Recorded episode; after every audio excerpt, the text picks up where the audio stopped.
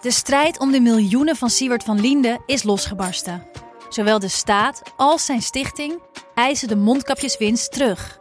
Maar dat die opbrengst in ieder geval niet thuis hoort bij Van Linde, daarover kan toch eigenlijk geen twijfel bestaan. Hoe kon het zo ver komen? Dit is het. We hebben beet. En als Siewert het geld teruggeeft, kunnen wij dit schandaal dan eindelijk loslaten? Je hoort het in de Mondkapjesmiljonairs, exclusief bij Podimo. Ga naar podimo.nl/slash mondkapjes. Je rijdt dus door een oorlogsgebied op een, op een vellig, terwijl het keihard regent en overal pikdonker wordt. Nee, we durven niet te stoppen. En je- eh, ja, eh, Joep is nooit bang. Joep Vermans, de kamerman, die was nu ook echt bang. Via podimo.nl slash gonzo luister je de eerste 30 dagen gratis naar Podimo. podimo.nl slash gonzo. Le gouvernement français propose de placer l'ensemble de la production franco-allemande de charbon et d'acier sous une haute autorité commune. Dit is Betrouwbare Bronnen met Jaap Jansen.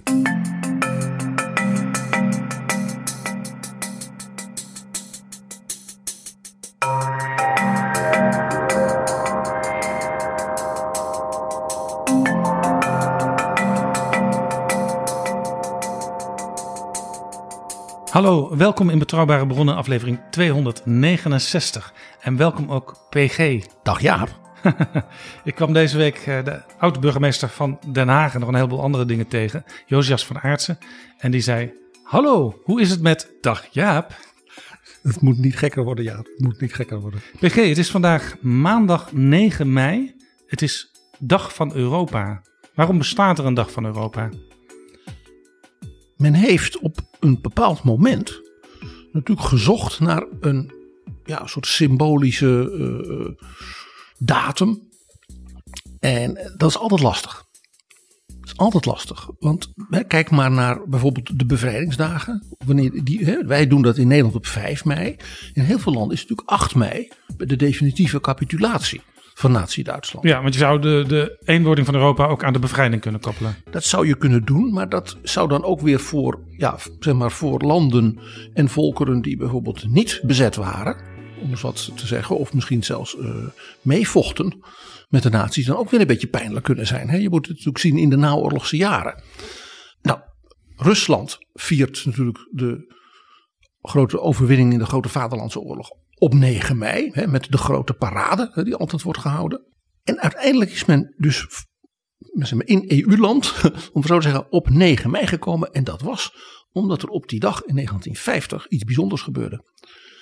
Dat was de dag van de Schuman-verklaring. De, de minister van Buitenlandse Zaken van Frankrijk.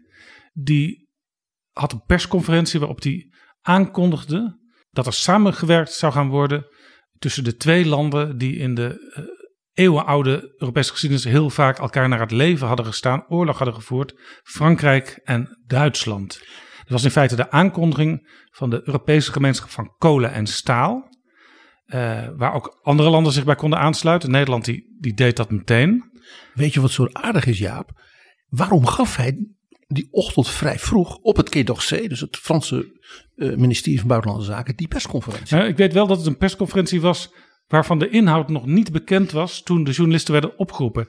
Er werd wel gezegd, eh, er gaat iets belangrijks aangekondigd worden.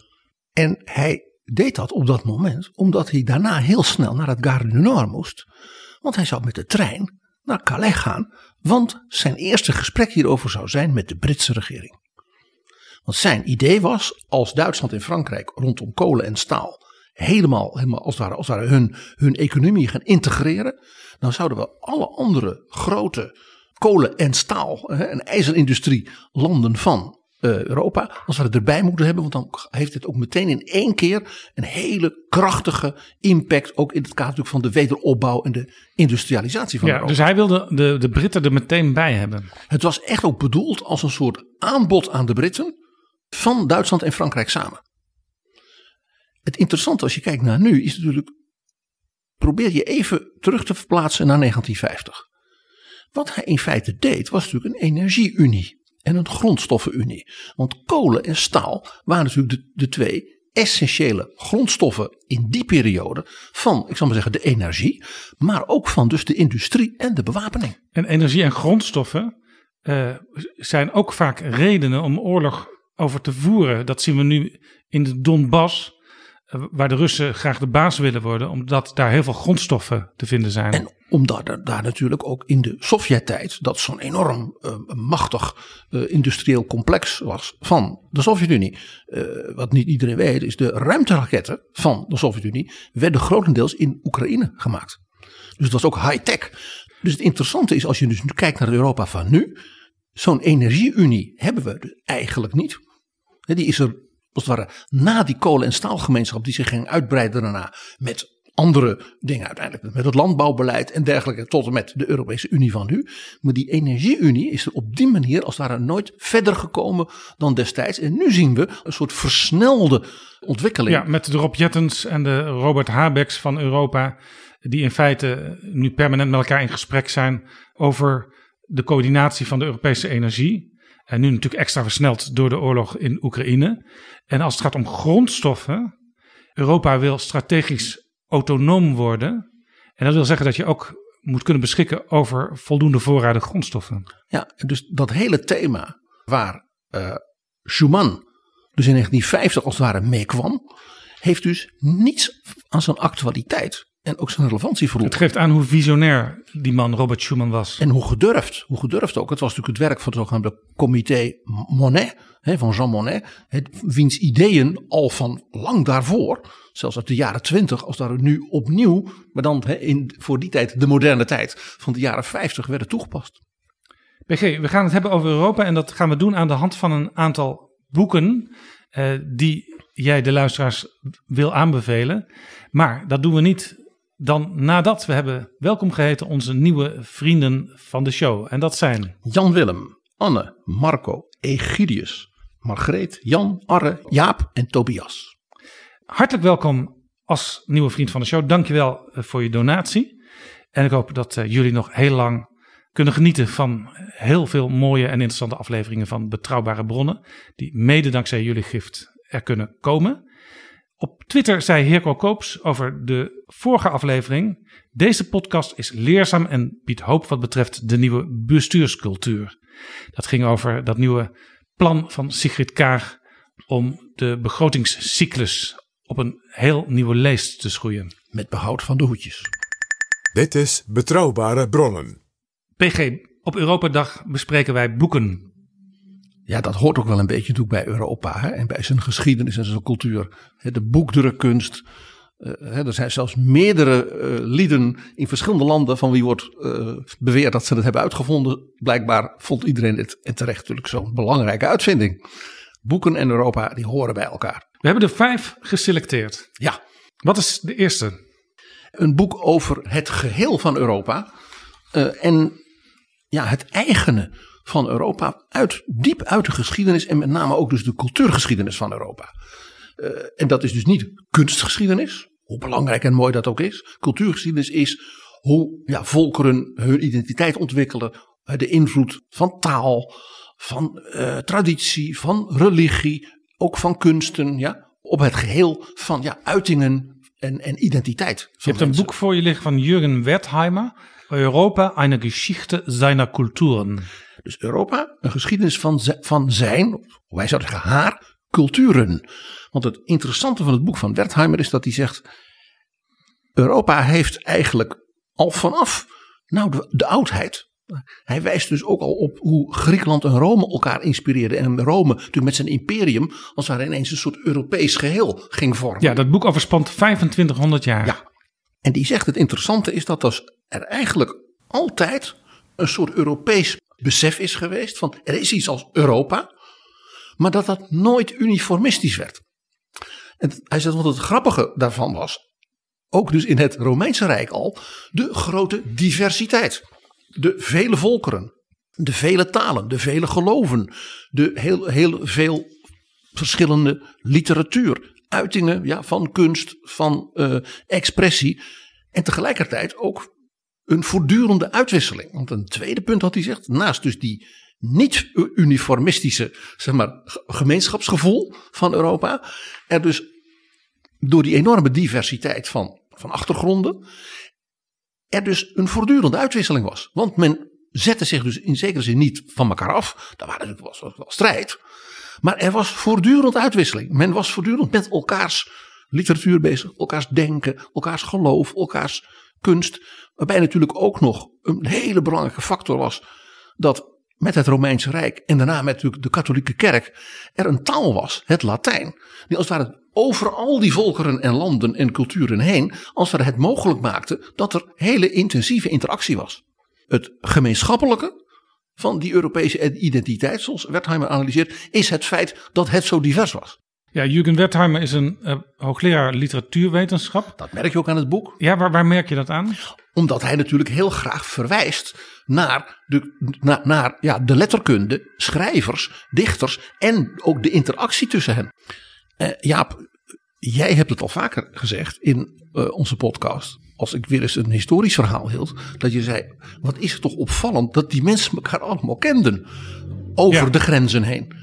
Hè, uh, we hebben het eens een keer over Erasmus gehad. Hè, we hebben het, uh, een Machiavelli. Nou ja, natuurlijk Goethe en Schiller. Hè, in, in die periode. de, de gebroeders Humboldt. Ja. Het interessante van dit boek is dus dat, dat Wertheimer zegt. Dat is niet het uitzonderlijke. Dat is eigenlijk de basis geweest. Waardoor Europa die hele merkwaardige eigen identiteit had. Het feit dat dus dat soort mensen elkaar allemaal kenden, allemaal met elkaar ja, communiceerden, bij elkaar op bezoek gingen. De enorme brievencultuur, die natuurlijk eeuwenlang kenmerkend voor Europa was. Het feit dus dat men met het Latijn, later in de betere kringen, zal ik maar zeggen, het, het Frans, in de wetenschap het Duits, later het Engels, altijd ook een soort gemeenschappelijke communicatietaal wist te vinden. Ja, je zou dus kunnen zeggen dat um, wat nu wel eens als problematisch wordt gezien, namelijk uh, de elite die uh, zich laaft aan de globalisering en de mensen zeg maar, op lokaal niveau die het niet kunnen bijbenen. In feite was vroeger de elite ook al op dat niveau aan het communiceren. Het is kenmerkend eigenlijk dus voor die Europese beschaving dat er dus, en dat is het interessante, zeker aan de bovenkant, zal ik maar zeggen, van de intellectuele bovenkant, uh, ook de economische top, dat was. Maar ook dus hoe diep, als het ware, die interactie ook altijd doordrong. Uh, wat wij misschien nu veel minder beseffen, was dat er permanent in Europa mensen waren die en hebben we dus niet over de elite, die rondreisden. Dat waren ambachtslieden, dat waren gezellen, dat waren herders. Er zijn nu nog in Spanje hele, hele herderspaden van honderden kilometers door heel Spanje richting de Pyreneeën, Frankrijk in. Waarbij men, men met kuddes als het ware door het land trok. Ja. Dus er was veel meer zeg maar, uh, uh, beweging dan wij in onze beelden later van bijvoorbeeld, ik zal maar zeggen, de middeleeuwen en dergelijke als, uh, uh, zijn gaan denken alsof dat mensen al hun hele leven maar op dat ene stukje grond zaten. Ja, in zekere zin is dat ook vergelijkbaar met nu. Want je hebt nu natuurlijk arbeid uh, die bij wijze van spreken van Polen naar Nederland komt. Maar dat is dus op zichzelf helemaal niet raar. ook in de zeg maar 18e, 19e eeuw de enorme hoeveelheid bijvoorbeeld mobiliteit van dienstpersoneel. Men had nannies, men had Franse uh, leraressen hè, in de, bij de betere families, in, zeg maar in Oostenrijk, in Wenen en ja. in Duitsland en Italië. En, dat, en die, die leraressen die konden dan ook het beste uit Parijs komen, want dan spraken ze de taal echt. Ek, precies. En de cultuur hadden ze dan ja. in hun bloed zitten. Ja, maar dat is, laat ik zeggen, de, de, dus de, de, de interactie en wat uh, uh, Wertheimer ook noemt, de voortdurende nieuwsgierigheid, die, die daar als het ware achter zit. Uh, is een kenmerk waardoor dus het Europa niet een uniformistische, zeg maar eenkleurige, monochrome cultuur kreeg. En ook politiek niet. Dat Duitse keizerrijk, dat was een, dat was een mozaïek. Van heel veel kleine vorstendommetjes en, wat, en een paar grote. En toch was dat wel één geheel. Men koos een keizer, men kwam bij elkaar. Er waren zelfs wetten, er was een rijksdag.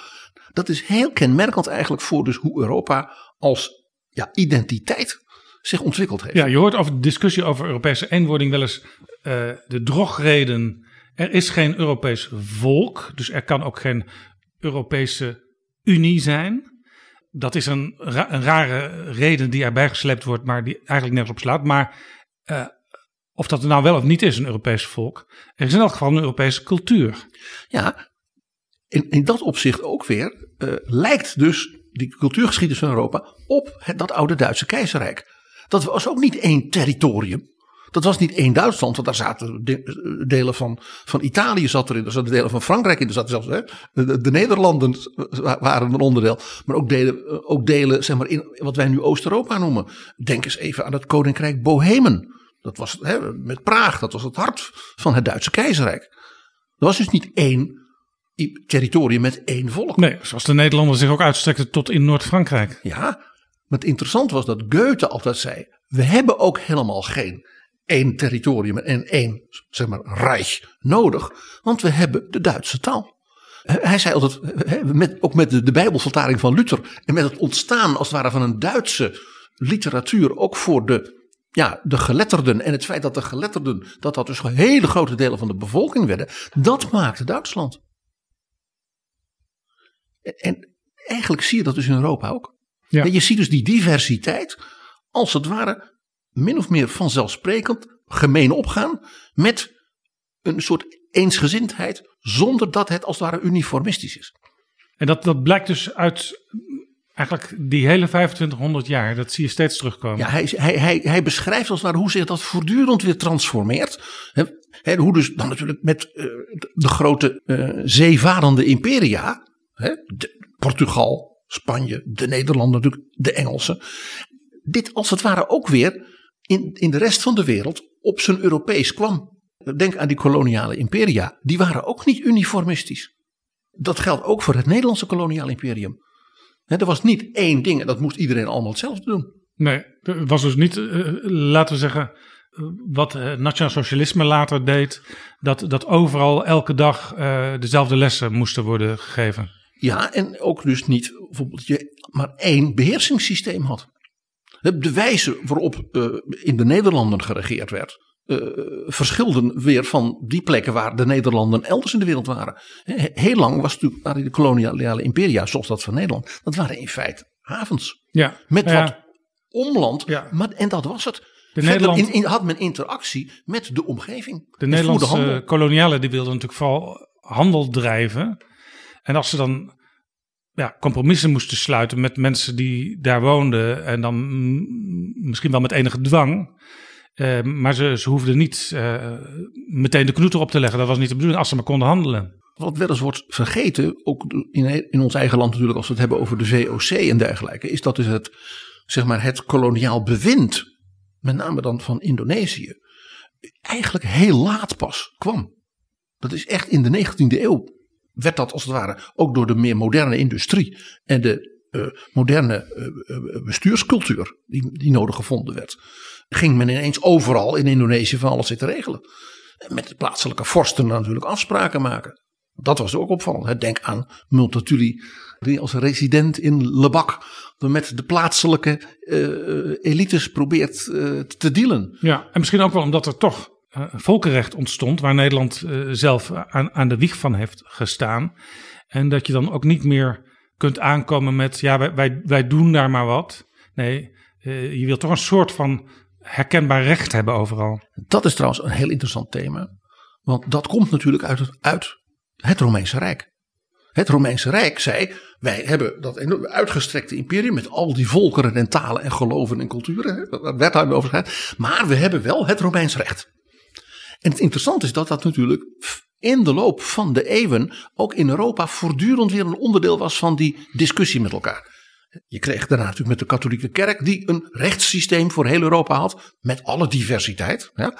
En later komen we dan natuurlijk met de renaissance en ook eh, eh, zijn met de verlichting ook mensen als dus Hugo de Groot met het zeerecht. En waarom was dat zo belangrijk?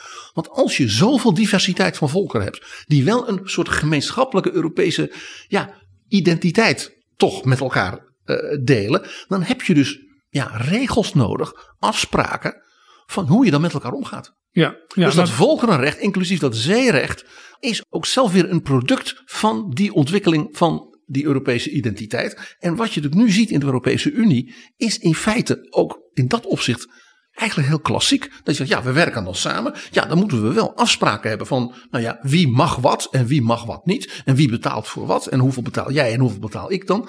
En al die dingen, ja, dat gebeurt dus nu gewoon in die vergaderzalen. In Brussel, in Straatsburg, bij de ambtenaren van mevrouw von der Leyen. Die staan in dat opzicht dus eh, dat is ook zo aardig als je dat boek van Wertheimer leest, in een hele lange, gegroeide traditie. Wij kunnen ons als Europeanen ook eigenlijk zelf vaak niet helemaal voorstellen dat dat niet zo is. Nee, nee ik, moet, ik moet zelfs even denken aan wat Hans Goedkoop vertelde op 4 mei over Abel Herzberg in het concentratiekamp. Ja, er werd natuurlijk gestolen, mensen kregen ruzie. En een aantal juristen, onder wie Abel Herzberg, die daar zaten, die dachten: wij gaan een, wij gaan een rechtbank oprichten. Dat gaan we gewoon onderling doen. En als we dat van elkaar accepteren, dan is er toch nog, nog iets humaans in deze samenleving. Er is heel veel literatuur over mensen in strafkampen en dergelijke. En wat daar bijna altijd opvalt, is dat mensen dan bijna een soort eigen civil society gaan ontwikkelen. Soms zelfs uh, uh, van, nou ja, jij weet veel van wiskunde, ga maar wiskunde lesgeven. In de meest verschrikkelijke omstandigheden vormen mensen dan toch weer dat soort gemeenschappen. Ja, en, waarin men dus nieuwsgierig ook weer is. Hè? Dinsdag is er een muziekavondje, dat, dat soort dingen. Ja, ja, ja. Kortom, het boek van Wertheimer is een heel, uh, in die zin een verrassend inspirerend boek. Het is een dik boek natuurlijk, dat moet ook wel als je 2500 jaar omspant. Uh, maar hoe, hoe heeft hij het ingedeeld? Dat is eigenlijk heel uh, chronologisch. Dus het is heel, het is heel vlot daardoor te volgen, uh, zijn betoog. Je merkt ook aan hem dat hij dus echt een literatuurhistoricus is. Dus hij, hij vertelt als het ware inderdaad uh, literair, historisch. Uh, nou ja, gaat hij met, met je mee door de tijd. En je kunt, je kunt zijn verhalen, het zijn eigenlijk essays, die kun je ook los van elkaar lezen? Ja, kan wel. Maar het, het, het, de mooie opbouw ervan verleidt wel om het als daar helemaal chronologisch te doen.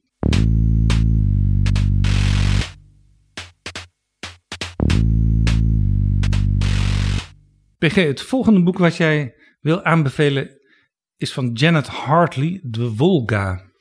Ja, je kunt zeker nu, en 9 mei, hè, niet over boeken in Europa praten en niet een boek over Rusland. Zeker nu niet. Rusland als Europees land. Als Europees land. Hoewel de Wolga ook wel eens gezien wordt als een, de scheiding tussen Europa en Azië. En daarom is dat boek van Gerard Hartley dus ook zo buitengewoon boeiend. Uh, wat zij doet is eigenlijk. Het is net niet een reisboek. Maar je reist wel door de tijd. En je, je reist als het ware langs de Wolga.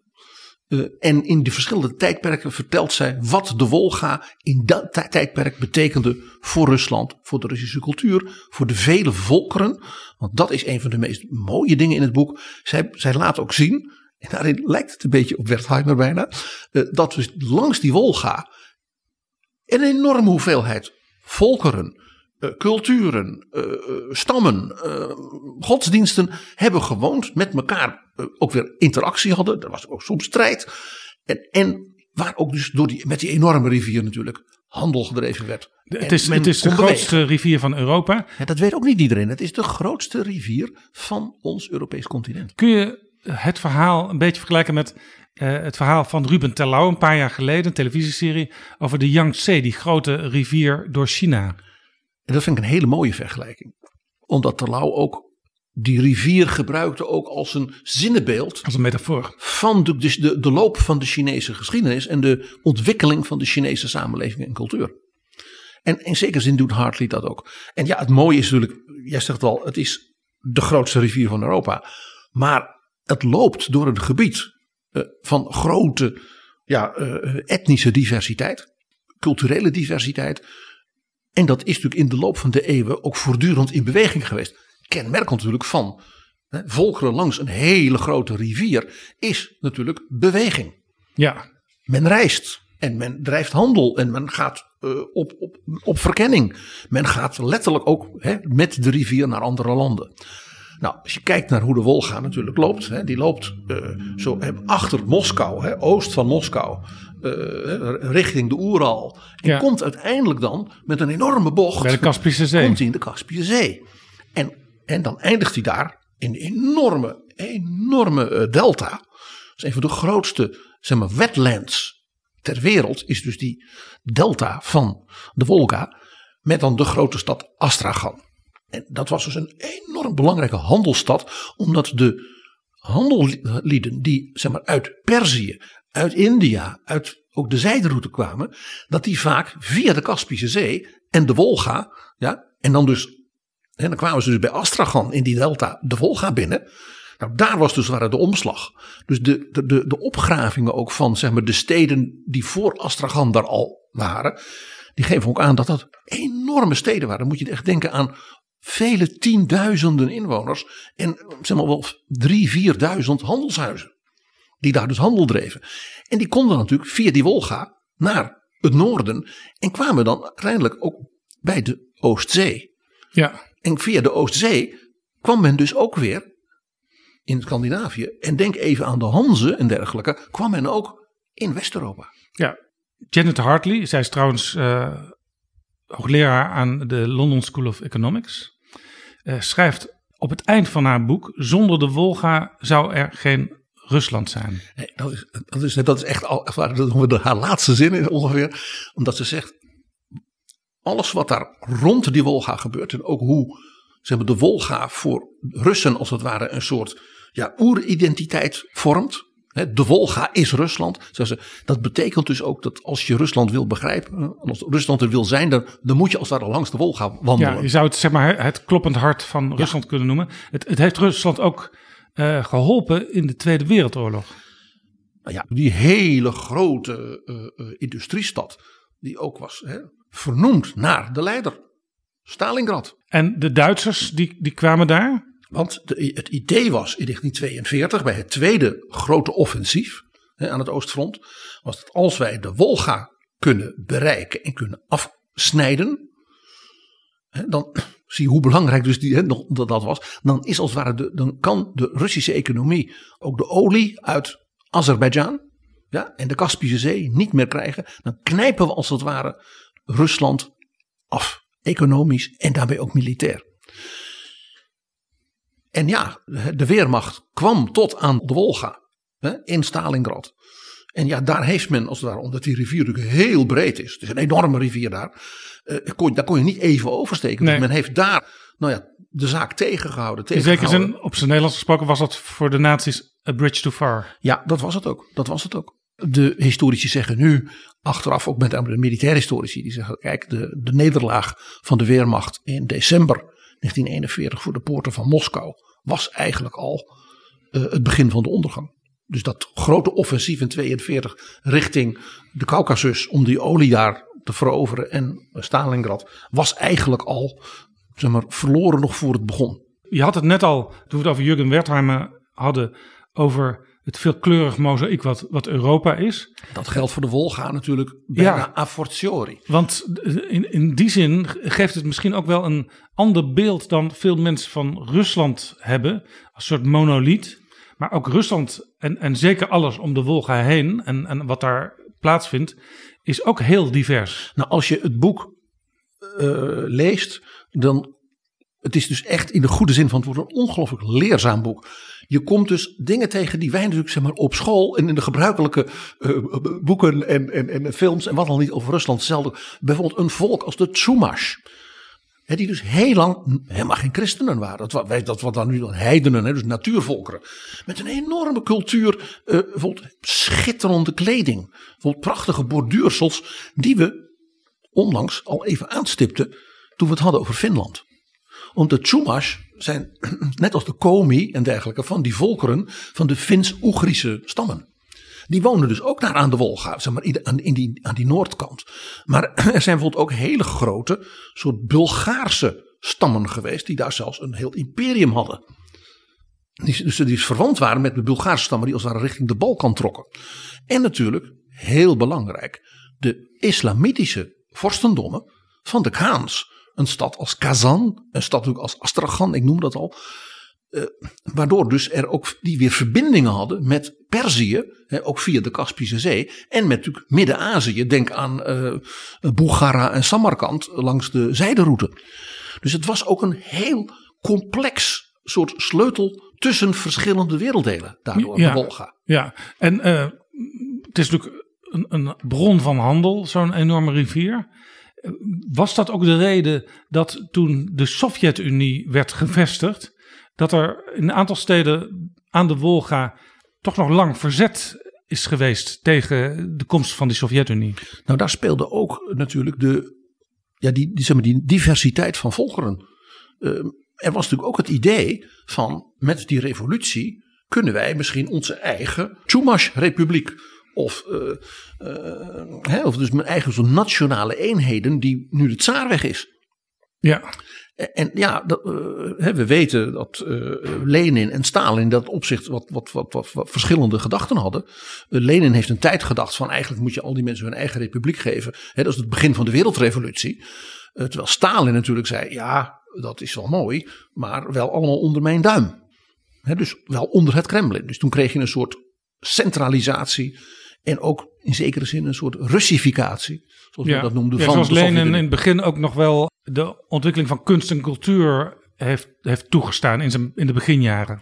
Ja, dat was allemaal vanuit het idee dat al die creatieve krachten, die moest je maar laten gebeuren. En dan uh, maar kijken hè, waar, waar, Ja. wat er zou wat En dit zou maakt komen. ook dat Lenin soms toch nog met enige positieve meewarigheid wordt, wordt bekeken door, door mensen die naar dat Sovjet-tijdperk Er terugkijken. is ook een, een hoop eh, mythologie over hoor. Over die geweldige vrije kunstenaar van die tijd. Eh, maar die enorme variëteit van mensen en culturen en, en, en, en, eh, langs die Wolga. Dat was natuurlijk eigenlijk ook een beetje, je zou bijna zeggen, wat vanzelfsprekend. Want men bewoog voortdurend. En men, men, men, men, dreef handel van stad naar stad naar stad. Dus elk van die steden had ook weer zijn specialismen. En had weer zijn eigen eh, dingen waarmee men dus handel kon drijven met een ander. Jij dit, ik dat. Bovendien natuurlijk, doordat die rivier zo enorm lang is. Ja, dat, dat nodigt als het ook uit tot heel veel van die interactie. In, in Europa is dat eigenlijk, ja, je kunt het een beetje vergelijken met natuurlijk de enorme impact van de Rijn, maar ook van de Donau. Ja, die ook als door heel veel ja, verschillende eh, volkeren en culturen stroomt, maar die daardoor wel met elkaar ook voortdurend in contact stonden. Ja, er werden ook stuwdammen gebouwd hè, in, in de Wolga. En, en de, de Sovjets die lieten ook zien, kijk eens wat wij allemaal technisch voor elkaar kunnen krijgen hier. De marxistische eh, analyse was dat als je natuurlijk de, de technologie eh, zou loslaten op de natuur, dan zou dus die natuur vanzelf eh, beter worden. En ja, dat zat natuurlijk gewoon in de theorie van Marx. Dus, eh, en Stalin ging die dus als het ware eh, op zijn manier dan toepassen. Met dus ook het, het, het, het, het, als het ware elektrificeren van de landbouw. Alles moest elektrisch worden. En dan de boeren zouden geen landeigendom meer hebben. Dat zou in feite een soort industriële boerderijen worden. De, de, de koolgozen en de sofgozen en dergelijke. En daar had je stroom voor nodig. Nou, als je zulke geweldige rivieren hebt, ja, dan bouw je dus stuwdammen. En dan gaat het vanzelf goed. Dat is echt een, een ramp geworden. Ook in milieuopzicht. Want ja, die, de Wolga ging dus door die stammen als het ware ja, steeds langzamer als het ware stromen. Ja, En ging dus, eh, werd als het ware steeds minder goed bevaarbaar daardoor. En ging dus daardoor ook gewoon veel minder stroom leveren dan men had berekend. Dus er ontstond een milieuramp en er was, ontstond ook eigenlijk een soort ja, economische ramp. Omdat dus die stuwdammen eigenlijk helemaal niet dat leverden wat de theorie had eh, voorspeld. ja. Het idee was dus niet alleen de, de burgers eh, komt onder onze, knoet, onder onze maar ook de natuur. Ja, dat is een kenmerkend iets geweest, eh, laat ik zeggen, in de Sovjet-Unie, in de Sovjetgeschiedenis en zeker in de eh, geschiedenis van Stalin. Maar bijvoorbeeld ook Khrushchev eh, heeft nog eh, van dat soort ideeën gehad. Van, eh, van als we nou de woestijn in Oezbekistan gaan besproeien door rivieren om te, om te laten draaien. Dan kan daar dus ineens een enorme hoeveelheid landbouw komen. En dan wordt de Sovjet-Unie eh, eh, dus eh, economie nummer één van de wereld. Een ramp geweest. Er werden ook hele volkeren dan als het ware gedeporteerd naar dus die nieuw te ontginnen gebieden. Die volgens de theorie natuurlijk eh, binnen de kortste keren enorm in bloei zouden komen staan. Nou, dat was dus niet zo. Ja, ja. Dus de Wolga heeft in dat opzicht ook als rivier dus ook geleden onder de, eh, de theoretische dictatuur van, eh, van het Stalinisme. Het boek, ik kan het zoals dat heet niet genoeg aanbevelen. Het is buitengewoon ja, informatief. Je komt allemaal boeiende eh, mensen, steden, volkeren eh, tegen. Waar we als het ware in onze gebruikelijke boekjes zelden over horen en lezen. En eh, ja, het onderstreept nog eens wat, wat een ja, wat een prachtig land in een aantal opzichten natuurlijk Rusland is. En ook de Russische cultuur en de rijkdom van die Russische cultuur. wat die ons allemaal te zeggen heeft. En dat maakt natuurlijk ook deze tijd extra, extra treurig. Uitgegeven door Yale University Press. Janet Hartley, The Volga, A History of Russia's Greatest River.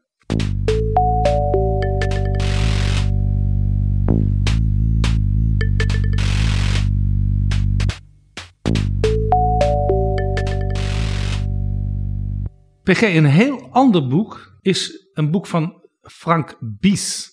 Republik der Angst, eine andere Geschichte der Bundesrepublik. Ja, ik heb het boek heel onlangs gelezen. En wat er in de weken voor deze dagen in Duitsland gebeurde. eh, de worsteling met. eh, moeten we wel wapens gaan leveren aan Oekraïne? De discussie erover. Hè? Komt er niet dan een oorlog? Gaat Poetin dan niet dit? Hè, ook de, de, de, de, de wat zwabberige koers. Hè, die men bijvoorbeeld Olaf Scholz verwijt. Eh, Ook prominente Duitse intellectuelen die open brieven schrijven. Van nee, we moeten dat niet doen. En anderen zeggen ja, dat moeten we wel doen. Ja, er is een hele discussie losgebarsten de, de afgelopen week. En ook heel fel. En dat is helemaal als het ware het nog niet geschreven hoofdstuk van dit boek. Want wat zegt Bies? Die zegt, die kijkt dus naar de geschiedenis en de samenleving in Duitsland, zeg maar, na 1945. En die zegt, we hebben natuurlijk het bekende verhaal. Hitler was dood, de nazi's waren weg, Duitsland kreeg het Wirtschaftswunder, ging eh, meedoen met West-Europa en met Amerika, werd rijk, democratisch gezind, Nuchter geleid door Konrad Adenauer. Konrad Adenauer. En dan komt eh, eh, de modernisering, eh, jaren 60, jaren 70. eh, eh, Willy Brandt en dergelijke. En dan, en dan komt de Wiedervereinigung en dan komt alles goed. Dat is het mooie beeld. Het mooie verhaal. En Maar hij- de- het boek heet Republiek der Angst. een andere geschiedenis van de Bondsrepubliek noemt hij het ook. Wat is hij gaan doen? Hij is gaan analyseren de serie toestanden in de media, in de discussie. Eh, Dus hij is in Der Spiegel en Die Zeit en de kranten gaan kijken waar men bijvoorbeeld zich enorm over opwond, waar men bang voor was.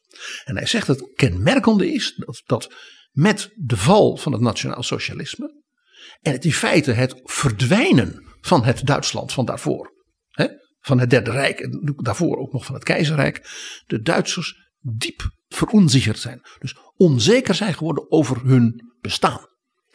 Hij zegt, en er zit dus in die eh, eh, ontwikkeling van de Bondsrepubliek een enorme ja, behoefte aan zekerheid, aan stabiliteit. En dus dat is ook een, een uiting van angst. En hij geeft dus hele interessante voorbeelden van dingen waarvan je op dat moment denkt, ja, men heeft dat dan over. Maar bijvoorbeeld het waldsterben, weet je dat nog? Ja, Alle bossen gingen 70, dood. Begin jaren 80. Alle bossen gingen dood. Zure regen. Zure regen. Hij beschrijft dus waar dat vandaan kwam. Hoe dus de media ja, daar alle om, omslagartikelen ja, van Der Spiegel, Der Stern. eh, De, de hele speciale programma's op de televisie. Er moesten wetten komen. Nou, nog een mooi voorbeeld. Wat ik zelf een hele interessante vond.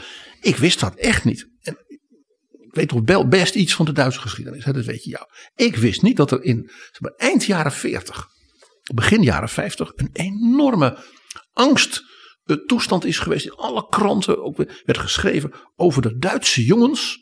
Die als het ware dan van het front terug waren gekomen. Of dan wel in de Hitlerjugend hadden zitten. Ja. Ja, dat die eh, werden verleid om te gaan vechten in het vreemde legioen van Frankrijk. Omdat ze dus hun plek in de samenleving niet meer vonden. En dan wilden ze dus eh, heldendom.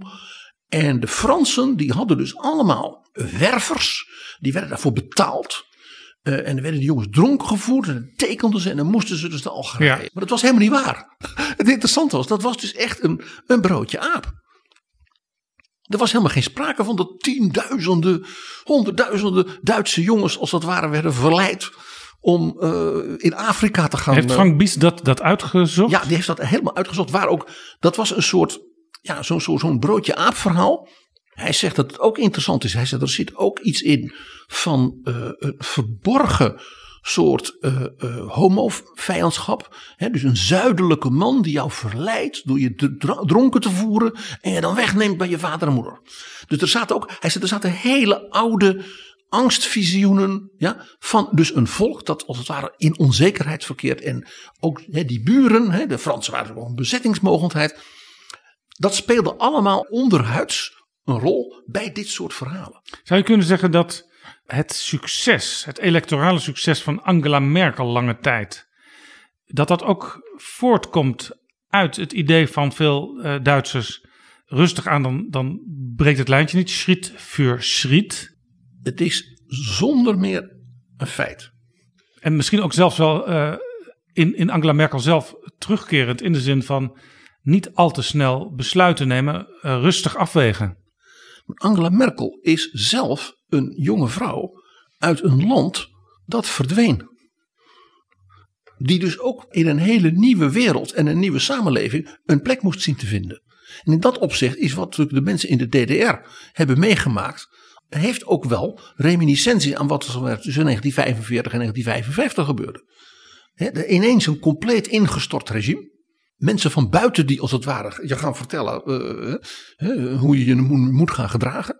Onzekerheid hè, gold ook voor de DDR. Over je economische toekomst. Hebben we straks nog wel een baan? Hè, hoe zal het gaan met, met, met onze spaarcentjes? En, mijn huis is kapot. Hè, dat soort dingen. Dus Bies schrijft ook dat hij zegt. Uh, hij zegt de uh, Adenauer was daarom ook natuurlijk zo'n iemand waar men zich aan kon vasthouden. Dat was, zijn de kleine experimenten. Was natuurlijk ook daarom. Ja. Dat betekende ook. U hoeft niet bang te zijn. Hè, der Alte die hij was autoritair. Dus ze hadden ook een, een soort vaderfiguur, een daddy nodig. Adenauer was opa. Hij was 73 en bleef 14 jaar. Hè? Dat was een grootvader. En hij was uh, stokconservatief, hè, zoals de Duitsers zo mooi katholiek. Een beetje flink autoritair, maar je wist wat je aan hem had. En dus je hoefde, hè, dus in die sfeer, in die angstige sfeer, had je iets. En hij had toen nog iets. Adenauer maakte gebruik hiervan, want het was ook een spijkerharde politicus. dus hij waarschuwde altijd voor het communisme. het anticommunisme van Adenauer was natuurlijk een appelleren aan die angstgevoelens. Ja. Voor dictatuur, voor nieuwe onzekerheid, voor nieuwe repressie. Jij stipt het al aan, in Duitsland is er nu een enorme interne discussie over hoe het land zich moet verhouden tot Rusland. En die discussie die speelt zich zelfs af in de regering, waar Olaf Scholz toch na een enorme imponerende reden in de Bondsdag, waarin ineens een aantal dingen heel anders zouden gaan, eh, toch wat, wat, wat koud watervrees lijkt te hebben gekregen. Hij, hij, viel, hij viel stil. Dat was het meest opvallende. En binnen zijn partij, de SPD, is de discussie ook heel hevig. En dat is heel herkenbaar dus uit wat eh, Bieks noemt, die angstgevoelens, die vaak onderhuidse angstgevoelens, die als het ware in die uh, optimistisch. het gaat toch over. Hè, wie ziet wie er weer, hè, zoals de Duitsers. We mogen er weer zijn. Maar daaronder zitten soms verborgen. En ineens schieten ze er boven angstgevoelens. Mooi voorbeeld. Toen het zo goed ging met de wederopbouw en het Wirtschaftswunder. Toen kwam er ineens een golf van angst. Ja, we spreken zeg maar jaren 50, jaren 60. Angst voor robots, voor automatisering. Dan raken we onze banen kwijt. Ook hier weer dus dat vreesachtig. Er komt iets van buiten. Hè, uit Japan, uit Amerika. Ja, techniek die wij nog niet kennen. En die we ook, ook misschien moeilijk kunnen beheersen. Terwijl wij natuurlijk achteraf en zeker ook zeggen van. Als die Duitsers nou ergens goed in zijn. Dan is het machines. En een hele slimme, intelligente ja, toptechnologie. De Duitsers altijd, ook hier weer angstig. Dus er werd, werden allerlei discussies over je robots niet, niet moest rantsoeneren en dergelijke. Heel interessant. dus die angsten die hadden vaak dus een, een, een, een culturele component. Natuurlijk een politieke component.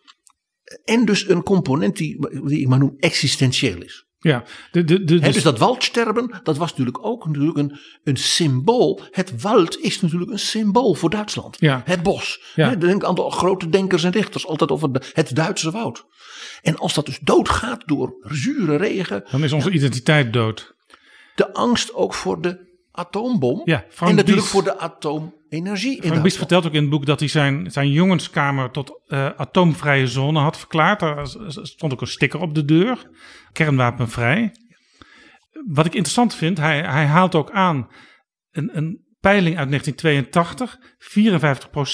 54% van de West-Duitsers die gaf aan ergens angst voor te hebben. Kon dus van alles zijn, maar de meerderheid had dus ergens angst voor. Maar onder de aanhangers van de Groenen was dat 70% En ehm 89% van de Groenen hield ook een nieuwe wereldoorlog voor mogelijk. Nou is het interessante als je nu naar de Duitse regering kijkt, waarin dus enorme discussie binnen de SPD is, dat de Groenen eigenlijk uh, het hardst vooruitlopen uh, in de zin van Oekraïne helpen, uh, de Russen tegenspreken. Waar komt dat vandaan? Want de Groenen die lijken dus een transformatie te hebben doorgemaakt in die tientallen jaren. Ja, het is heel interessant. De, Groene Partij is dus van, vanuit de politieke historie, maar in zekere zin hier met het boek van Bies ook vanuit de cultuurhistorie van Duitsland zo interessant. Want jij hebt het over een peiling over 1982. En dan denken wij als Nederlanders, 1982, oh ja, toen kwam Lubbers. In Duitsland kwam dus Helmoet Schmid ten val en Helmoet Kool kwam. En wat was het nog? Oh ja, de kruisraketten. Ja, dat speelde in Nederland evenzeer. Juist. Dit was de periode van president Reagan in Amerika. En die werd natuurlijk in Europa, zeker door de, zeg maar, de linkerkant in Europa, als een, een, een, een oorlogszuchtige cowboy. Ja, en het, het, het leek natuurlijk in strijd ook met uh, de, de toenadering van West-Duitsland naar uh, het Oostblok, naar de Sovjet-Unie. Ja, de, de, met het, de val van Helmoet Schmid was natuurlijk ook het idee, nu is er, komt er een eind aan dus de, nou ja, op verzoening gerichte Oostpolitiek ja, en Reagan van Willy Brandt. Reagan ging de duimschroeven aandraaien. Ja, en, en, en, en, dus, en dat in combinatie met dus dat waldsterben, ja, uh, He, dus de, de, angst om nou ja, het milieu. Uh, er was ook zo'n ook een heel interessant ding. Echt een Duits ding. Gif in het eten. Ik bedoel, het is natuurlijk ook typisch zo'n existentieel symbolische angst. En wat dus Frank Bies doet, is dat hij als het ware de golven van die, van die fasen van angst analyseert. En ook heel interessant is, ze volgen elkaar ook op. Het is niet zo dat je zegt van, nou, uh, we hebben een tijd dit en dan daarnaast is er nog een andere angst. Het is heel opvallend, het zijn dus vaak dominante uh, vrees, vreesconcepten die als het ware op elkaar volgen. Toen dus de, heel van toen dus bijvoorbeeld de angst voor het communisme, eigenlijk natuurlijk na de bouw van de Berlijnse muur, toen dat begon af te nemen, dat is een interessant feit. Hè? feit hè? Dus met de, bouw van de Berlijnse muur en de Cuba-crisis, 61, 62. Daarna zakte eigenlijk in heel Europa, ook in Duitsland, die angst voor de Sovjet-Unie en voor het communisme. Toen kwam je dus in Duitsland kwam er dus een heel nieuw iets. Toen kwam de discussie over, uh, ja, uh, waar was jij in de oorlog, pa? Toen kreeg je ineens een angstverhalen over dat uh, de, de nazi's terug zouden komen. De terugkeer van het fascisme. Toen kreeg je partijen als de NPD en de Republikaner. Dus toen werd als het ware, was er dus de angst dat extreem rechts weer machtig zou kunnen worden. In dat opzicht is het boek van Bies dus inderdaad een andere geschiedenis. Uh, ook omdat hij ook laat zien dat het een dubbele werking had. Ja. Hij zegt namelijk die angstvisioenen om het maar zo te zeggen. En die gevoelens, die zorgden aan de ene kant voor uh, ja, dat men als het ware bleef voortdurend zocht naar zekerheid. En daarmee hielp het, zowel in de Adenauer-tijd als ook later, en jij wees op Angela Merkel, hielp het ook met het stabiliseren van de Duitse samenleving en de ontwikkeling van de Duitse democratie. Want men hield elkaar maar een beetje vast. En laten we het niet te gek maken. Adenauer kon ook zo lang zitten en ja, de baas zijn. Omdat men het gevoel had. Nou ja, hij, hij houdt de zaak bij elkaar. Want je weet maar nooit wat er gebeurt. Die kleine experimenten. Ja, je, kunt, je kunt eigenlijk zeggen als je, als je de, de, de meeste Duitse bondskanseliers uh, op een rijtje ziet. Dat ze doorgaans lang zaten Behalve die ene keer Willy Brandt, die moest, die moest plotseling aftreden.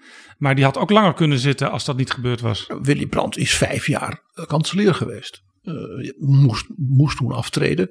Uh, daarna is uh, Helmoet Schmid acht jaar kanselier Ja, geweest. Nou, Kohl, Kohl heel lang. heel lang. Eh, Merkel heel lang. En Merkel heel lang. Daartussen dan eh, niet zo heel lang eh, Gerhard Schröder. Ja. Maar eh, kenmerkend voor, voor, voor, voor, voor die, dat gevoel van, de, van behoefte aan stabiliteit en zekerheid. Is dus dat die angsten als het ware ook, zegt Bies, bevorderlijk waren. Voor het ontwikkelen als het ware van Duitsland tot een, een nieuwe samenleving. Dus de ondergang van eh, het keizerrijk, de Weimar-republiek en de nazi-tijd, om te zeggen. Je had eigenlijk eerder verwacht, nou nu, nu, nu is het helemaal, valt het uit elkaar. Wordt het een, een enorme uh, kladderadatsch, om het even Duitsers zeggen. En het opvallende is dat dus die stabiliteit, waar wij als het ware altijd, als we naar Duitsland kijken, zeggen we dat valt zo op. Is dus mede volgens Biesens ingegeven, doordat de Duitsers, ja, die, die angstige, bezorgde eh, eh, eh, eh, vragen ja, voortdurend als het ware in hun achterhoofd hadden. Legt Frank Bies de Duitsers als het ware op de divan? Ja, een beetje wel, een beetje wel, een beetje wel. En, en, en hij wijst dus ook dat, erop dat dus organisaties als dat Pegida en ook de AFD, dus ook hele klassieke angsten voor vreemdelingen, ja, en, en, en uit, uit, uit verre landen, als het ware weer op een nieuwe manier eh, vertolken. Eh, hij zegt zelfs met een lichte spot dat natuurlijk die angst voor die eh vreemdelingenlegioenen eh, wervers. eh, dat dat natuurlijk eh, in een aantal opzichten ook een beetje lijkt op eh, de eh, angst voor eh, ISIS en islami- is- islamisten die dan eh, jongens verleiden een zelfmoordaanslag te plegen. Ja. Zou je kunnen zeggen dat, dat, dat het Duitsland van nu eh, meer dan het Duitsland van 20, 30, 40, 50 jaar geleden eh, is gaan lijken op de landen om Duitsland heen? Dus bijvoorbeeld op Nederland, op Frankrijk, op, noem het allemaal maar op. Dat er het typische van het naoorlogse Duitsland, dat dat een beetje aan het vervagen is? Ik eh, zou dat niet durven zeggen, Jaap. Want de grote verandering die geen elke ander Europees land heeft gehad, is natuurlijk toch die Wiedervereinigung. Dat je een, in feite een tweede staat, die ook nog een ja, verschrikkelijke dictatuur was. En economisch in een aantal opzichten natuurlijk nou ja, meer dan bankroet. Dat je die als het ware in één keer ja, als het ware erbij krijgt, om het maar zo te zeggen. Als het incorporeert. eh, daar een succes van maakt. Want hoe je het ook wendt of keert. Het is natuurlijk een ongekend succes. Ja. Wat de Duitsers hebben gedaan. Eh, ook economisch en ook natuurlijk eh, cultureel. En dat maakt Duitsland dus Het maakt echt Duitsland een, een tot een uniek land uniek in, in de wereld. Ja. Elk land is uniek, maar Duitsland is extra uniek, zou je kunnen zeggen. Ja, Duitsland heeft natuurlijk toch een geschiedenis. eh, ook, we hadden het er eerder al even over, over dat keizerrijk, dat enorme mozaïek. Dat dus heel laat pas, als het ware, een soort nationale staat werd. Hè, onder Bismarck. Nou, die heeft niet zo heel lang geduurd, hè, die nationale staat. Dat keizerrijk, 1871, 1918. Dat is niet zo heel lang. Nou, de Weimar-republiek is bekend. Eh, het duizendjarig rijk, het waren er twaalf. Ja, dus Du- Duitsland heeft in dat opzicht dus een hele eigen weg als het ware in de geschiedenis.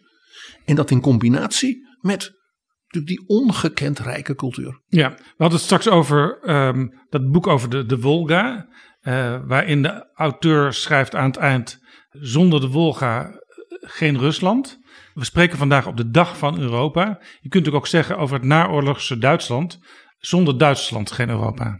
Zonder een democratisch en met zichzelf in het reinen gekomen, met zichzelf ook in zijn verleden verzoend Duitsland, is er voor Europa geen toekomst.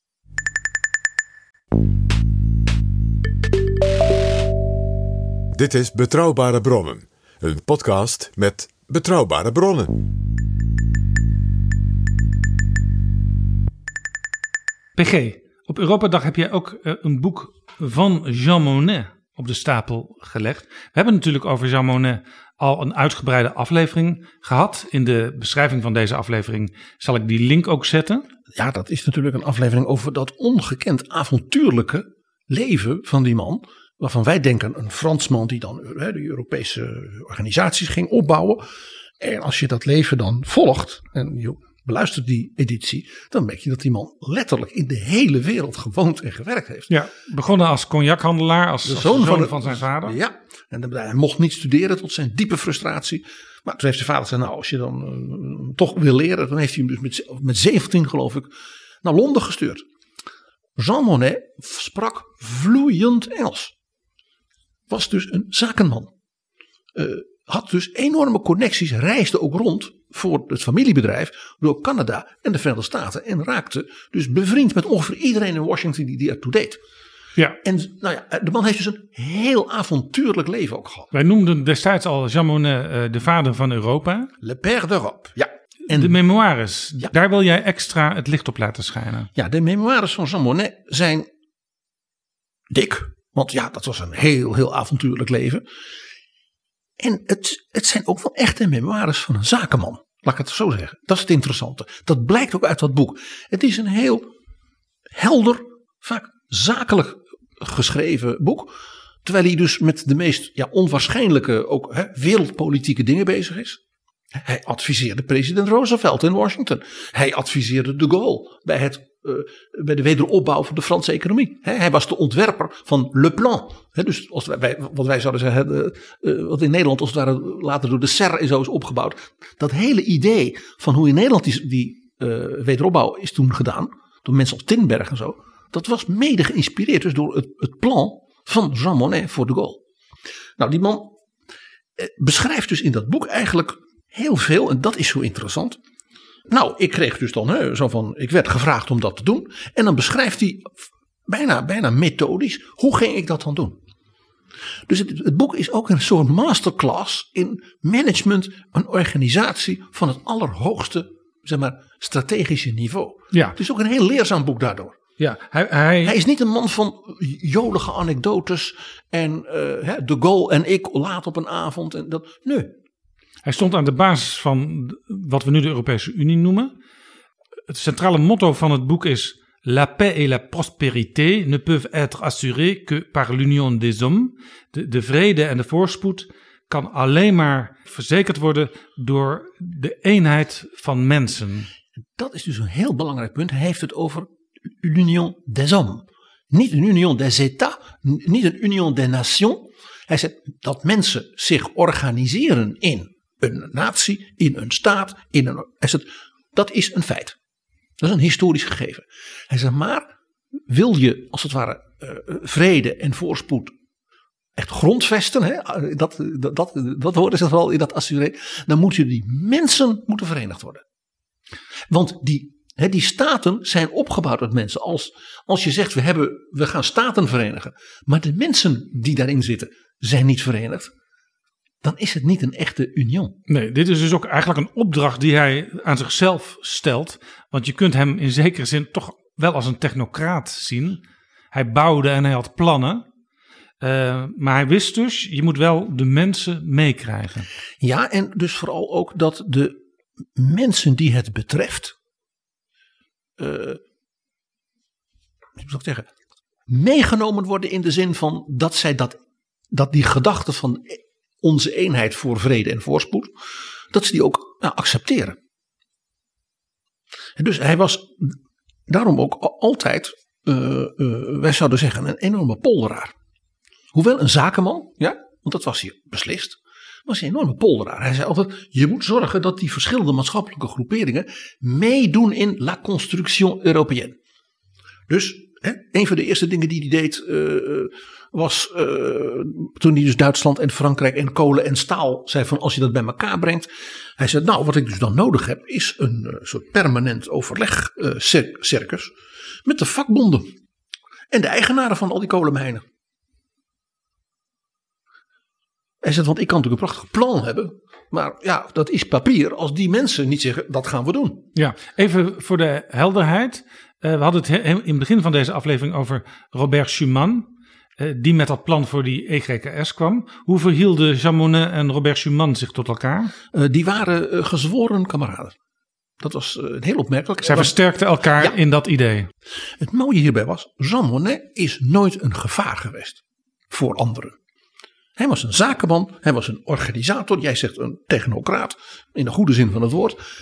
Hij had dus geen behoefte om zelf president van Frankrijk te worden. Of belangrijk of ja, politiek te gaan worden. Had het ook te maken met ehm, het familiekapitaal? Er was altijd iets om op terug te vallen. Nou, het was vooral ook eh, dat hij zei van ik heb een, eh, we hebben dat bedrijf. En als ik word gevraagd om te adviseren of om iets te organiseren, of doen, nou dan doe ik dat. Hij heeft ook altijd de houding aangenomen van als ze me eh, vragen voor zo'n klus, dan kijk ik wel even, ja hoor, dan maak ik wel even tijd. Een prachtig voorbeeld is, vind ik altijd, dat hij eh, door zijn enorme contacten in Amerika eh, de opdracht nam van de, Fran van de Franse regering om eh, toen de nazi's de, de Luftwaffe gingen opbouwen, in het geheim te onderhandelen met president Roosevelt en zijn staf over hoe de Fransen de allerbeste, meest nieuwe generatie Amerikaanse vliegtuigen kon kopen. Hij, En, en dat, een cognachandelaar. Maar omdat ze zeiden, hij snapt hoe je onderhandelt. Ja? Hij wordt daar gewaardeerd. Eh, hij spreekt daar de taal. Hij kent de mensen. Hij kent ook de Amerikaanse manier van doen. eh, in, het, in het zakenleven daar. Eh, en hij laat zich ook geen zeg maar, kaas van brood eten wat betreft wat het moet, moet kosten. En hij wist dus ook dat er iets verschrikkelijks stond te gebeuren. Al voordat de Tweede Wereldoorlog uitbrak. In die zin moet ik ook even denken aan het verhaal van Caspar Veldkamp over Oekraïne. President Zelensky die waarschuwde eigenlijk. eh, maak je niet al te druk wereldgemeenschap. Dat gaat allemaal niet gebeuren. De Amerikanen die wisten met hun intelligence wisten ze wel beter.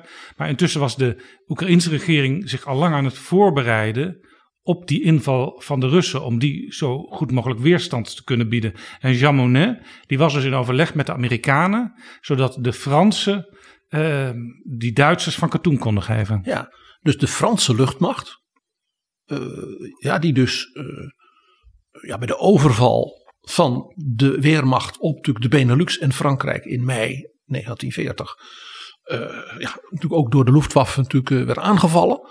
Eh, die Franse luchtmacht die was dus zeer goed. Eh, en heel veel van die piloten en die vliegtuigen zijn dus naar Engeland gegaan. En gingen dus meevechten in de Royal Air Force. Monet was ook toen de aanval op Frankrijk begon op 10 mei 1940 in Londen. Helemaal geen toeval. En heeft daar dus ook in die dagen daarna, eh, dus met generaal de Gaulle, eh, meerdere gesprekken gevoerd. En toen besloten dat generaal de Gaulle een zodanige persoonlijkheid was, dat hij maar liever op wat afstand van hem bleef. Dus toen heeft Monet zich door de Gaulle en de andere zeg maar, Franse eh, leidinggevende ja, van, van de ballingschap zich eh, laten sturen naar Washington DC. Want ze zeiden, jij kent de mensen daar zo goed. jij moet daar vooral ja, je voelhorens uit, uitstrekken en met de mensen praten en dergelijke. En toen, ik heb dat toen ook verteld, was hij dus een van de mensen die dus achter de schermen zeer veel invloed uitoefende op onder andere president Roosevelt. Die memoires zijn dus, behalve dat dat, ja, dat leven vol gebeurtenissen, ja, dat, er zijn weinig levens in de 20e eeuw waarin zoveel gebeurd is. En van iemand die dus er ook altijd bij was. Dat is ook interessant. Jean Monnet was er altijd bij. Zonder dus zelf ooit zich enorm op te dringen of een enorme diva te zijn. Als je foto's uit die tijd erbij pakt, dan kun je hem bij wijze van spreken altijd ergens zien staan. Je moet soms even zoeken. Jean Monnet is er altijd bij. Ja, en zit vaak voor. Want dat was de andere kant. Hij was dus een echte organisator, een manager.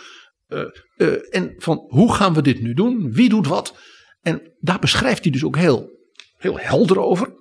Eh, en hij is de eerste in, die in memoires wijst op die typisch Nederlandse aard die we in Europa allemaal kennen. I am Dutch, so I may be blunt. Want even de eerste dingen die hij schrijft, dat hij zegt van ja, ik had grote waardering voor de in, input die ik kreeg vanuit Nederland, vanuit de Nederlandse regering. Al moet ik erbij zeggen dat de, het communiceren in vergaderingen met die Nederlanders, dat moet je wel, dat moet je even aan wennen. Daar zit toch iets geks, PG, want uh, we hebben het vaak over het poldermodel gehad en polderen als typisch Nederlands kenmerk. Maar als we op Europees niveau kijken, dan zijn anderen soms beter in polderen dan wij. Omdat ik wel eens denk dat Nederlanders denken dat zij de enigen zijn die dat kunnen. En dus over de grens dan als het ware de neiging hebben om dus de hak in het zand te steken. Omdat men zich daar als het ware ongemakkelijk voelt. En Monet was dus zo iemand die had daar dus gevoel voor. Die, die begreep dat wel. Dus die zei, die Nederlanders zijn lastig en zijn eigenwijs. En uh, dat is allemaal waar. Maar je hebt wel heel veel aan ze. En hij had dus ook graag Nederlandse, uh, jonge Nederlanders als medewerkers. Ja. Want ze spraken hun talen. Dat was zeker in die tijd natuurlijk. Was dat uh, voor de hoog, hooggescholden in Nederland gold dat. En dat was natuurlijk een enorme plus. Heel interessant vind ik dat Monet in zijn memoires, hij overleed in 1979, dus al heel lang geleden inmiddels. Uh, dat hij, hij schrijft dat alleen in tijden van nood mensen verandering accepteren. En nood wordt alleen tijdens een crisis erkend. En Europa zal worden opgebouwd door crisis. Dat is iets wat we tot op de dag van vandaag zien. Monet's manier van denken en zeg maar, organiseren en handelen is nog in feite het, zeg maar, de basis van hoe de Europese Unie functioneert. We zagen in de coronacrisis dat er wat moest gebeuren in Europa. En we zien door de inval van Rusland in Oekraïne dat er wat moet gebeuren in Europa. Ja, en zijn, een van zijn belangrijkste leerlingen was natuurlijk Jacques Delors. Die toen de muur viel ja, helemaal conform het recept van Monet. Zei, nou, ik heb al een plan. Hè, dat was uh, de interne markt 1992. Dan gaan we dat dus nu helemaal zoals Monet ook zou hebben gedaan. Uitrollen, stap voor stap, hè, schritt voor schritt. Methodisch, uh, uh, ook wel een beetje Frans, hè, een beetje piramidaal, van boven naar beneden. Er moet wel leiding worden gegeven. En uitermate helder communicerend. Dat was ook heel kenmerkend voor Monet. Hij was buitengewoon helder. Jean Monnet, Les Mémoires. Dit is Betrouwbare Bronnen. PG, het laatste boek wat jij wil, wil noemen, wat jij wil bespreken, is een boek dat ik ook gelezen heb. Victor Klemper, LTI. Ja, ik vind als je uh, over het Europa van nu, en dan ook nog in de meidagen van dit jaar, uh, een aantal boeken bespreekt. In de zin van die kunnen ons veel zeggen en leren en ja, doen denken over Europa en ook over onze tijd. Dan kun je niet om LTI van Victor Klemperer heen. Lingua Tertii Imperii, taal van het Derde Rijk. Juist, notities van een filoloog. Zegt, noemt hij het dan ook nog. Victor Klemperer, we hebben een keer in Betrouwbare Bronnen over hem gepraat. Ja. Hij is de schrijver hij was dus een taalkundige. Hij wist vooral heel veel van de Romaanse talen, van het Frans en Italiaans. Van het Frankrijk van de 18e eeuw was zijn specialisme. Ze hebben de vroege romankunst. En die is de schrijver van het zonder meer belangrijkste en ook meest aangrijpende dagboek uit Nazi-Duitsland. Ja, uh, Ik wil Zeugnis ablegen bis zum letzten. Hij maakte notities, hij, hij noteerde in zijn dagboek wat hij merkte aan de veranderingen in het dagelijks leven. In het bijzonder in de taal die de mensen spraken. Ja, want dat was zijn vak. En die dagboeken, daar beschrijft hij dus ook wat er in de kranten staat, wat hij hoort van mensen. Op een bepaald moment dan mag je natuurlijk geen radio meer luisteren. je, je, in dat, dat dagboek, dat is duizenden pagina's dik, word je als daar ook meegenomen als lezer in die steeds engere, nauwere, ingesnoerde wereld dus van de Duitse Joodse bevolking. En nou ja, zoals bekend, uh, hij, is, uh, hij heeft het overleefd. Doordat, zeg maar, ongeveer de dag voordat hij gedeporteerd zou worden, hij in de stad Dresden wonend, uh, ja, het bombardement op die stad overleefde. En is toen met zijn vrouw Eva Dresden uitgevlucht. Ja. Hebben dus, zij heeft hem gered zonder meer. Zij was niet Joods, daarom waren zij zo laat als het ware aan de beurt bij de deportaties, om maar zo zeggen. En uh, ja, ze hebben dus met z'n tweeën, uh, als het ware, ja, gezworven uh, door Saksen en door Beieren met name.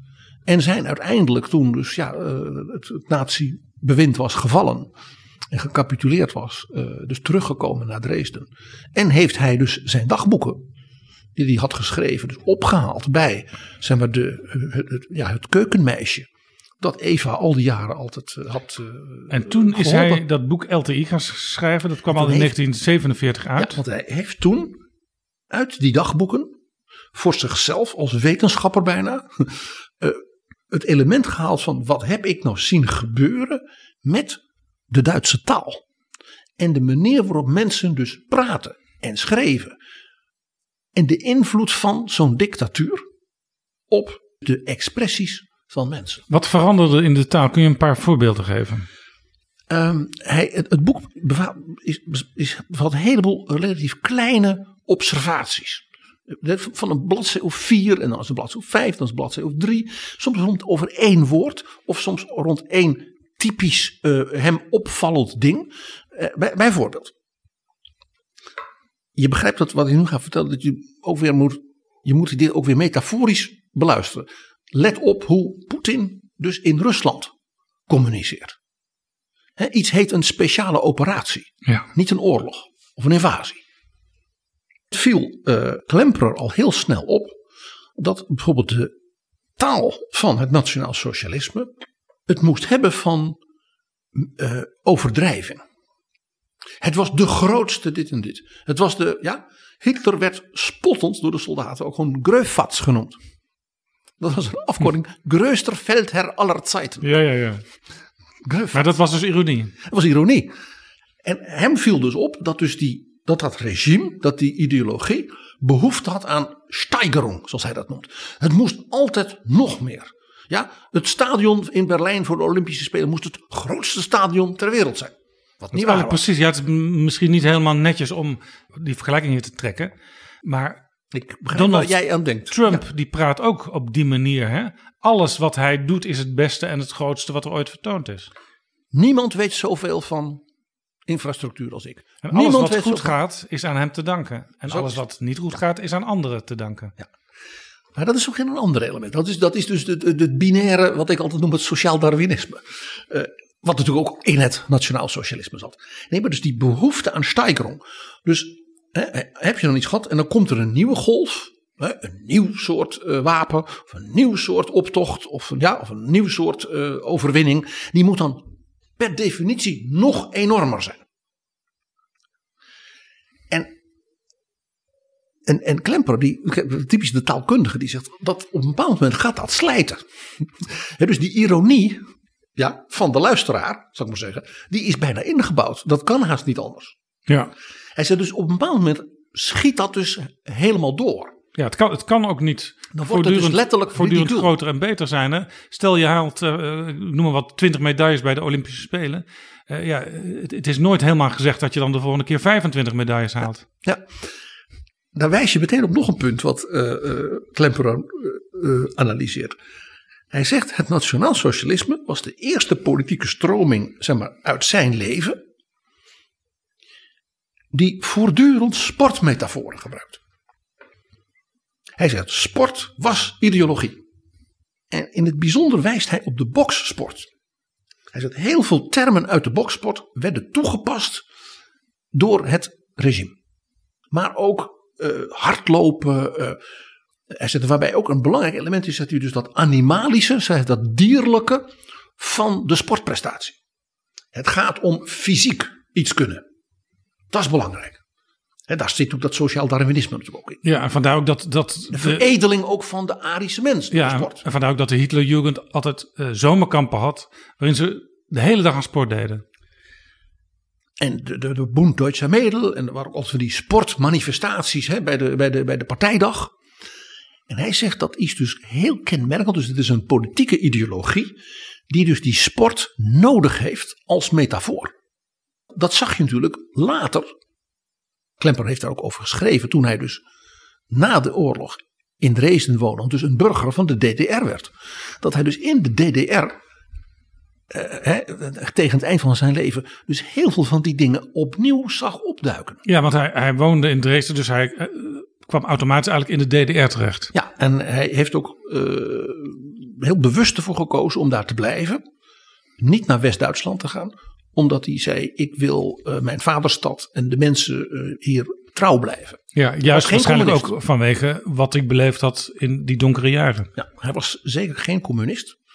Uh, maar was wel ook loyaal naar het regime. Want hij zei: Dit regime is ons, nou ja, zeg maar, opgedrongen door die nederlaag. En die hebben we maar te accepteren. Ja. Het is. Was het ook zo dat hij misschien toch een beetje um, gevoelig was voor ook de taal van de DDR, namelijk uh, wij zijn een antifascistische land? Nou, hij heeft dus ook dagboeken geschreven in de laatste jaren van zijn leven over zijn belevenis in de DDR. En daar schrijft hij met uh, enige kritische distantie en ook wel ironie over. Want hij herkent dus inderdaad ook typische hè, eh, eh, hoe, je een, hoe een regime taal gebruikt om mensen te manipuleren. Ja, dus hij was heeft eigenlijk hij voor de tweede keer toen Ja. doorgemaakt, Ja. eh, waar hij al een boek over geschreven had. Nou, nog een voorbeeld. Hij, eh, een heel bekend eh, ding van hem was dat hij zei: eh, er zijn bepaalde begrippen die maar, tot 1933 sterk negatief beladen waren. En die daarna ineens langzaam een soort omwenteling in hun betekenis kregen. En Hij, gebruikte, hij wijst met name op het woord fanatisch. Dus fanatiek, Dat was negatief tot 33. dat was negatief. Je moet, eh, je moet jezelf in, in, in toom houden. Je moet gematigd zijn. Ja, fanatisch, dat was dus dat redeloos, irrationeel, eh, gewelddadig, Ja. eh, dat soort dingen. Hou me vast of ik bega een ongeluk. Ja. En hij zei: Het interessante is dat dus in, ook wat in de toespraken van Goebbels en in de kranten, dat het begrip fanatisch, dat werd dus steeds meer positief geladen. Je was een fanatische vererer des Führers. Een fanatiek vereerder van de Führer. Dat was dus niet iets negatiefs.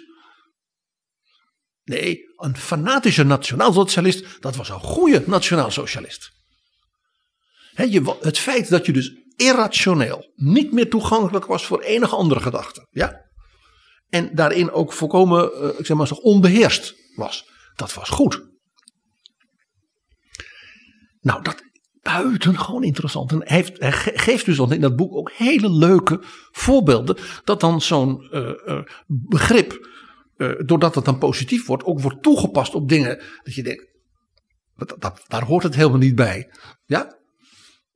Als iemand dan een hobby had, hè, ja, als een fanatischer treinmodelletjesverzamelaar. Nee, ja. En, en zo gaat hij dus voortdurend in dat boek door die taal en ook dus door de wisselwerking tussen dus, zeg maar, het regime en de dagelijkse gebeurtenissen, de spreektaal, eh, eh, ja, de advertenties in kranten en dergelijke. Heel interessant, heel, heel eh, navrant is het hoofdstukje over de overlijdensadvertenties. Want ook in de overlijdensadvertenties ging dus de taal van het Derde Rijk, hè, zoals hij dat noemde, lingua tertii imperii, ging als het ware doorklinken. Want wat schreef je nou als je zoon was gesneuveld in Stalingrad in de krant? Gevallen voor het vaderland? Zoiets. Ja, ja, nee, nee. Hij, hij zag dus dat verschuiven. Nee, dan was het gevallen voor de Führer. En het vaderland. Ja, dus een persoonlijke relatie met de Führer. En dan in eeuwiger treue. En, dan, en dan kwam het zelfs het woord fanatisch kwam dan in de eh, advertentie. Ja, ja. En het ook het punt was dat eh, hij ook een typische taalkundige, dat hij zei: kijk, die advertenties, dat werd voor die kranten ook steeds ingewikkelder. Want eh, er was natuurlijk steeds minder papier, dus de kranten kregen steeds minder om te drukken. Dus die advertenties moesten allemaal veel kleiner en korter worden. Dus hij zei, er ontstond dus ook een soort afkortingencultuur daardoor in die overlijdensadvertenties. Dus die zei, en als er dus iemand, eh, eh, bijvoorbeeld hè, dat de familie dan aangaf, eh, hè, met groot verdriet maken wij bekend dat, dat die daar aan het front is gesneuveld, punt. Dan had dus iedereen van, oh dat zijn geen trouwe nationaalsocialisten, dat zijn geen goede Duitsers. Dus het werd ook nog heel, heel navrant een soort bewijs van je politieke betrouwbaarheid. Wat je schreef in de advertentie voor je gesneuvelde oom of broer of zoon. Ja, hoe diep taal kan ingrijpen in een leven. Komt uit een voorbeeld in zijn boek. waarin hij kort na de oorlog een, een oud student ontmoet. En dat was een jongen die, uh, zeg maar, in de oorlogstijd uh, een hakenkruis droeg. Maar toch kwam die positief naar Klemperen toe. Ik ben blij dat u het overleefd hebt en dat u weer les geeft. En hij merkt, Klemperer, dat het slecht gaat met, met, die, met die jongen. Hij weet dus ook dat, dat hij ja, uit een nazi-familie kwam. Wordt u niet gerehabiliteerd, vraagt Klemperer. Nou, nou, zegt die jongen, ik heb het niet aangevraagd en ik kan het ook niet aanvragen. Nou, dan blijkt uiteindelijk, als de jongen zegt hoe diep het zit, De anderen hebben de Führer verkeerd begrepen en verraden. In hem geloof ik nog altijd. Doet me ook een klein beetje denken aan uh, de weduwe Rost van Tonningen, die een aantal interviews gaf in de jaren zeventig. Waarin ze eigenlijk ook zei: ja, die Hitler is gewoon niet goed begrepen. Zeker hier in Nederland niet. En ik weet, ik weet wat hij werkelijk wilde en hoe groots die man was. Dat is een, een hoofdstukje in dat boek. Dat heet ook Ich glaube ihm. Dat hij zegt, heel interessant, is dus dat de nazi-taal, dus van ik geloof de Führer, ja, werd ik geloof in of aan de Führer. En dat werd dus een manier om de realiteit te ontkennen.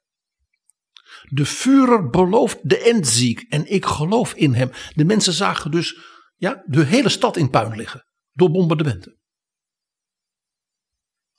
En hij zegt dus er ontstond een heel uh, aparte, dus nationaal-socialistische zeg maar, interpretatie van het begrip geloof. Ja, bijna het omgekeerde van wat je in de Untergang ziet, die film, waar de generaals om Hitler heen staan om hem op de kaart allerlei dingen aan te wijzen.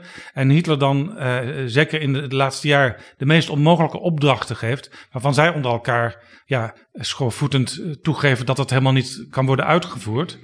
Maar Hitler gelooft daarin. En zo zijn er dus ook gelovigen in het uh, volk die zodanig in Hitler geloven dat ze denken: als er dingen misgaan, dan is dat omdat ze gewoon zijn opdrachten niet goed uitvoeren. Ja, en ook dus het element van, net als dus bij dat fanatismus, de bewuste, positief geduide irrationaliteit. Ik weet wel dat ja, de, de, de Sovjetlegers van Stalin uh, aan het oprukken zijn aan het Oostfront en, ja, en al, onze jongens sneuvelen. En ik weet wel dat de stad Hamburg in puin ligt, maar ik geloof in hem. dus het was een bewuste, positief geduide irrationaliteit. En dat vond de Klemper als wetenschapper. Ja, je, dus LTI boek moet je en lezen als, ja, als een getuigenis van wat, het, ja, wat, wat, wat zo'n regime met mensen en hun denken doet. Maar je moet bijna ook als een soort wetenschappelijk essay van de taalkundige. Dat die zegt dat dus de taal als het ware ook buitengewoon ja, vormbaar is. En, en ook als het ware zichzelf voortdurend kan transformeren. Het is een zeer interessant boek. Ik moet wel zeggen, toen ik het las, moest ik het ook af en toe eens wegleggen en iets anders gaan doen of lezen. Uh, ja, want het hakt, het hakt erin. Omdat Klemperer eigenlijk zo eenvoudig schrijft voor een wetenschapper. die korte essaytjes, die observaties zijn allemaal heel raak geformuleerd. En heel, ja, hoe zou ik het zeggen, eh, bijna, bijna essayistisch bij elkaar gebracht. Het is, hij heeft ook niet zeg maar, de pretentie een soort uh, zeg maar zeggen, wetenschappelijke analyse ervan te maken. Maar al lezend, uh, zeker ook nu weer in deze tijd, uh, met fake news en het, ja, je wees ook op Trump, het, het, het gebruiken van begrippen op een manier dat je denkt, nou, is dat verantwoord? Is dit boek dus uitermate ja, actueel? Victor Klemperer, LTI. Dankjewel, PG.